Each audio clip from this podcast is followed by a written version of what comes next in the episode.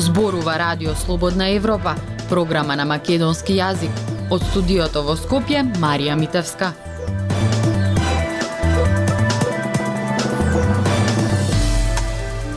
Почитувани, гостен во неделното интервју на Радио Слободна Европа е Едвард Джозеф, предавач на школата за напредни меѓународни студии Џон Хопкинс и познавач на состојбите на Балканот. Джозеф беше гостина во годинешниот Преспа форум за диалог, кој повтор пат се одржа во Охрид. Со него разговаравме за тоа дали се уште смета дека Европската Унија не го сваќа сериозно Балканот, колку проширувањето е во фокусот на Унијата, колку имаат основа тврдењата дека бугарското вето е руска хибридна операција спроведена преку Бугарија. Потоа го прашавме за тоа колку руската инвазија врз Украина е закана по безбедноста на регионот на Западен Балкан, закана ли е и руското влијание за евроатланскиот интегративен процес на земјите од Западен Балкан, како и тоа какви последици има понатамошното неинтегрирање на регионот во Европската Унија. Останете со нас. Господине Джузеф, лани како и оваа година бевте гости на Преспа форумот за диалог. Лани изјавивте дека Европската Унија не го сваќа сериозно Балканот. Со ново настанатата ситуација и војната во Украина, дали Европската Унија го, го врати фокусот на, на Балканот и на процесот на проширувањето? Not completely. And it's a good quote because what is the difference between last year and this year? Не целосно и тоа е добар цитат, бидејќи што е разликата меѓу минатата и оваа година. Во право сте да ме цитирате од минатата година и да кажете дека не го земаат сериозно. Што е разликата? Тоа е војната во Украина. Што значи? Значи дека во Европа може да има само еден ред и еден пристап. Тоа е дека земјите мора да се почитуваат меѓу себе, да ги почитуваат своите граници, да се прилагодат на европските вредности, да ги решат разликите на мирен начин и ние се уште тоа не го гледаме во регионот и се уште гледаме силно руско влијание во регионот кое е спротивно на сите тие вредности. Дали Европската Унија го зема посериозно? Го земаат до некаде посериозно. Германија го зема посериозно, но реалниот проблем не е решен. Имаме две земји, Србија и Бугарија, кои имаат тешко руско влијание и тоа е главниот проблем. Го споминавте руското влијание. Колку имаат основа тврдењата дека бугарското вето врз Северна Македонија е руска хибридна војна оркестрирана од Бугарија? That is a great question and the the answer to it is I don't have any? Тоа е одлично прашање и одговорот е дека јас немам некој конкретен доказ од тоа, но да кажеме дека е многу веродостојно, така што не можам да укажам на некој доказ. Но она на што можам да укажам е фактот дека личности во Бугарија за кои е познато дека имаат многу силни проруски афинитети како председателот Румен Радев и како предходниот премиер Бојко Борисов имаат силна руска наклонетост. Тоа е под број 1.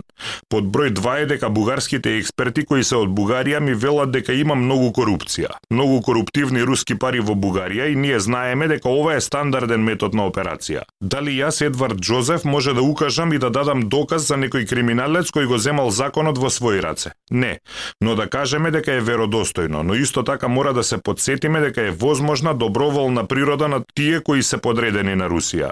Дури и да не добиваат некои инструкции, нивната подреденост е антидемократска и проруска и тие го експлоатираат ова македонско прашање за да го постигнат на тоа. Закана ли е руското влијание за евроинтеграциите на Северна Македонија и на земјите од регионот? The answer is yes because this issue in Bulgaria Одговорот е да бидејќи ова прашање во Бугарија на екстремен национализам е рефлексија и многу подсетува на тоа што Русија прави во Украина. Размислете за тоа. Русија и Путин, особено како ја нарекува Украина, вештачка земја и неговиот стафе, ние сме многу помоќни, а вие сте помалку моќни. Вие сте вештачка земја. Вие всушност сте руси на некој начин. Вашиот идентитет не постои, тоа е вештачки. Имаме сличен пристап, не со сила, но исто така со користење на моќ. Бугарија ја експлоатира моќта како земја членка на Европската Унија да каже вие сте вештачка земја во суштина. Вие сте вештачка земја и вие сте само југословенска вештачка творба, но вашиот јазик и историја е базиран на нашиот бугарски идентитет и ние сме помоќни од вас. Што е разликата? Пристапот е ист, различна е тактиката, но истиот пристап не се европските вредности. Руската инвазија врз Украина предизвика економска криза, но колку а, таа представува и закана по безбедноста на земјите од Западен Балкан? It's threatening in an indirect way. Заканувачки е на индиректен начин. Многу луѓе се загрижени, особено во Босна, за ненајдејна војна. Видете, не може да го исклучите тоа. Не може да кажете дека нема да се случи или дека воопшто не може да се случи некој конфликт на Косово. Така што може да се случи, но руското влијание и руските цели се задоволени и без војна. Путин не победува на Балканот само ако има нова војна. Не, Путин победува со овој статус кво. Путин победува со одржување нестабилност. Не замрзнати, туку нестабилни во овие услови кога ништо не оди напред, туку се движи назад. Тоа е победа. Путин вели, видете го ова, Европската Унија и Соединетите држави не може ни да го средат овој хаос. Луѓето губат интерес. Тие стануваат сочувствителни и плюс мора да се подсетиме дека има и друг начин. Мора да го потенцирам ова дека Владимир Путин победува кога неговите сојузници како Александар Вучич и Румен Радев победуваат. Така што кога тие се силни, тогаш тој победува. Србија е единствената земја во Европа која се уште не ставила санкции врз Русија. Ова е победа. Ер Србија лета за Москва. Ова е победа. Путин треба да биде изолиран, а Србија не го изолира. Министерот за надворешни работи ќе се сретне со Лавров. Тоа е планот. Така што ова е само манипулација во име на Путин и уште еден начин кога Путин победува. Сакате да знаете повеќе? Наша веб страница слободнаевропа.мк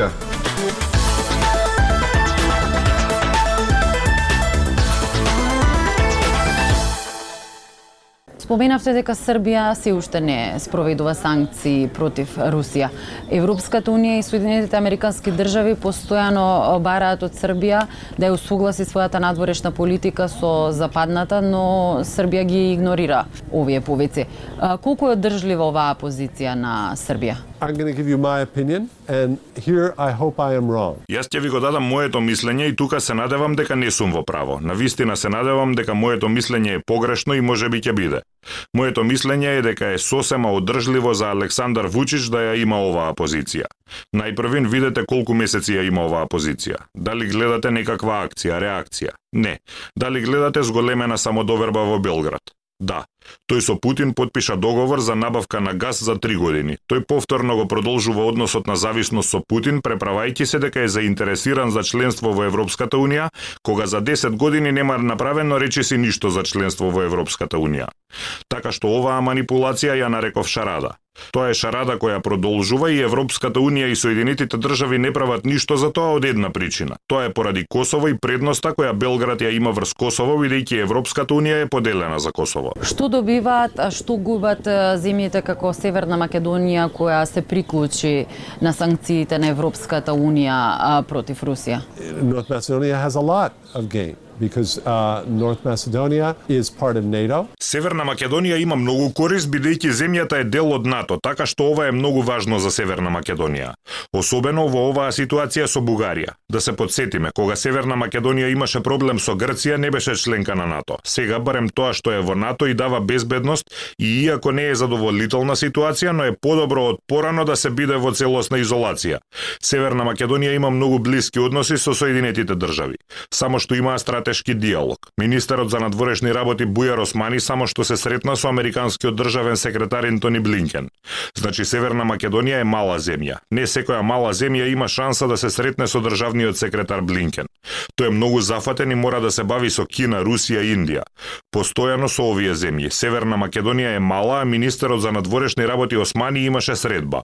Има силна подршка од Соединетите Американски држави за македонската позиција во однос на Бугарија. Така што да не го заборавиме ова. Ова не е ништо. Не е задоволувачки, но ова е важно случување. Северна Македонија не е сама. Го споменавте и проблемот со Косово. Диалогот за нормализирање на односите меѓу Србија и Косово е во ќорсокак повеќе од една година. А, според вас, има ли шанси Србија да ја признае независноста на Косово како што меѓународната заедница очекува? No, The answer is it's an illusion. Не, одговорот е илузија дека Србија под Вучич преку некој процес на чекор по чекор ќе го признае Косово. Дури не е важно дали е Курти или Хоти или некој друг. Единствениот начин на кој што ќе го направат е поделбата или размена на земјиште или нешто што е практично исто.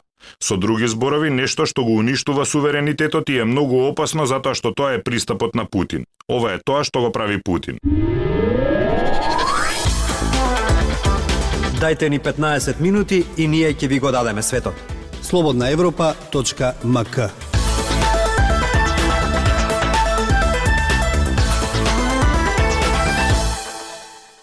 Меѓусебните спорови го кочат или го одолговлекуваат процесот на евроинтеграција на земјите од Западен Балкан.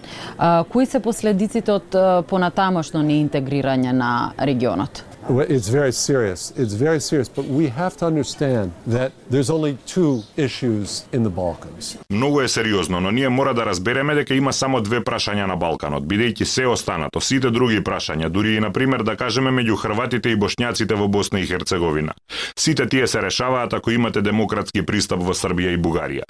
Во ред, Тоа се две земји, Србија и Бугарија, затоа што секоја друга земја во регионот и секоја друга популација, освен во Република Српска и Босна, покажа дека сака да биде дел од Западот.